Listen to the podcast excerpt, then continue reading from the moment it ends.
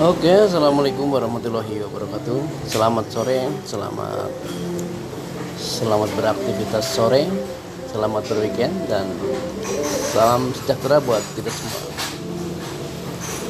Teman-teman pengusaha laundry yang ada di Indonesia dan seluruh jagat raya alam semesta ini, baik yang kelihatan maupun yang tidak kelihatan, baik yang bergerak di bidang laundry maupun di perlengkapan laundry atau di jasa service laundry.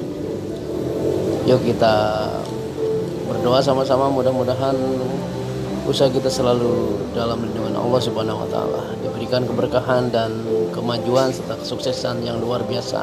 Amin.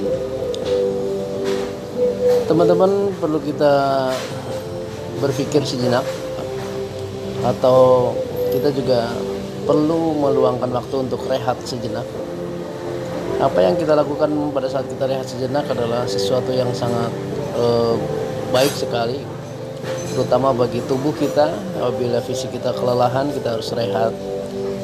Begitupun juga dengan usaha kita. Sejenak kita rehat. Misalnya kita untuk mereview apa-apa yang kurang apa-apa yang perlu kita lakukan lebih lagi. Kita dan kita rubah besok SDM tenaga tenaga kerja atau karyawan juga perlu rehat sejenak. Karena ketika mereka dipaksa untuk masuk terus menerus tanpa ada istirahat mereka pasti akan bosan jenuh kurang konsentrasi bosan bahkan mungkin marah. Nah ketika sudah sampai di posisi bosan jenuh marah tidak konsentrasi maka yang ada hasilnya adalah kurang maksimal. Yang akan menimbulkan kekecewaan atau e, ketidakpuasan bagi pelanggan laundry kita. Ketika pelanggan laundry sudah tidak puas, maka mereka akan beralih e, ke laundry yang lain. Nah, ketika mereka beralih ke laundry yang lain, tentu omset kita akan menurun, penghasilan kita akan menurun, karyawan juga akan dikurangi, lama-lama laundry kita akan tutup.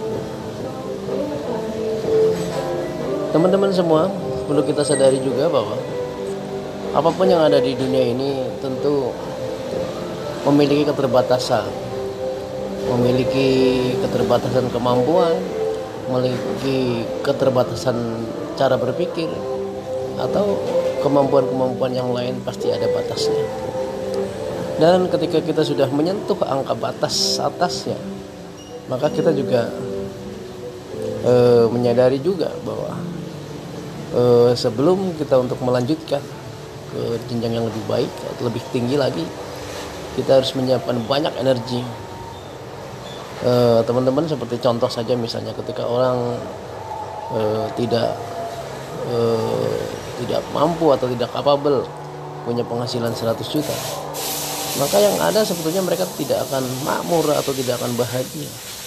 Tapi mereka akan mengalami apa yang namanya stres, mengalami perubahan hidup, mengalami perubahan hidup yang tidak biasa. Bisa jadi hancur-hancuran juga hidupnya.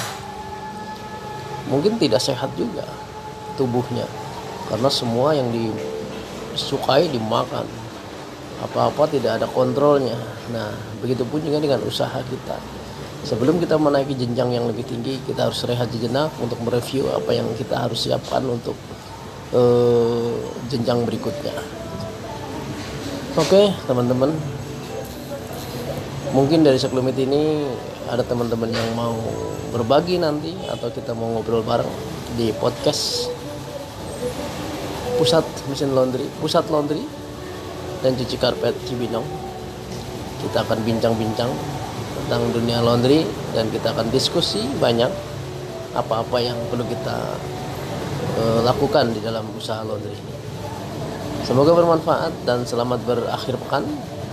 Terima kasih dan wassalamualaikum warahmatullahi wabarakatuh.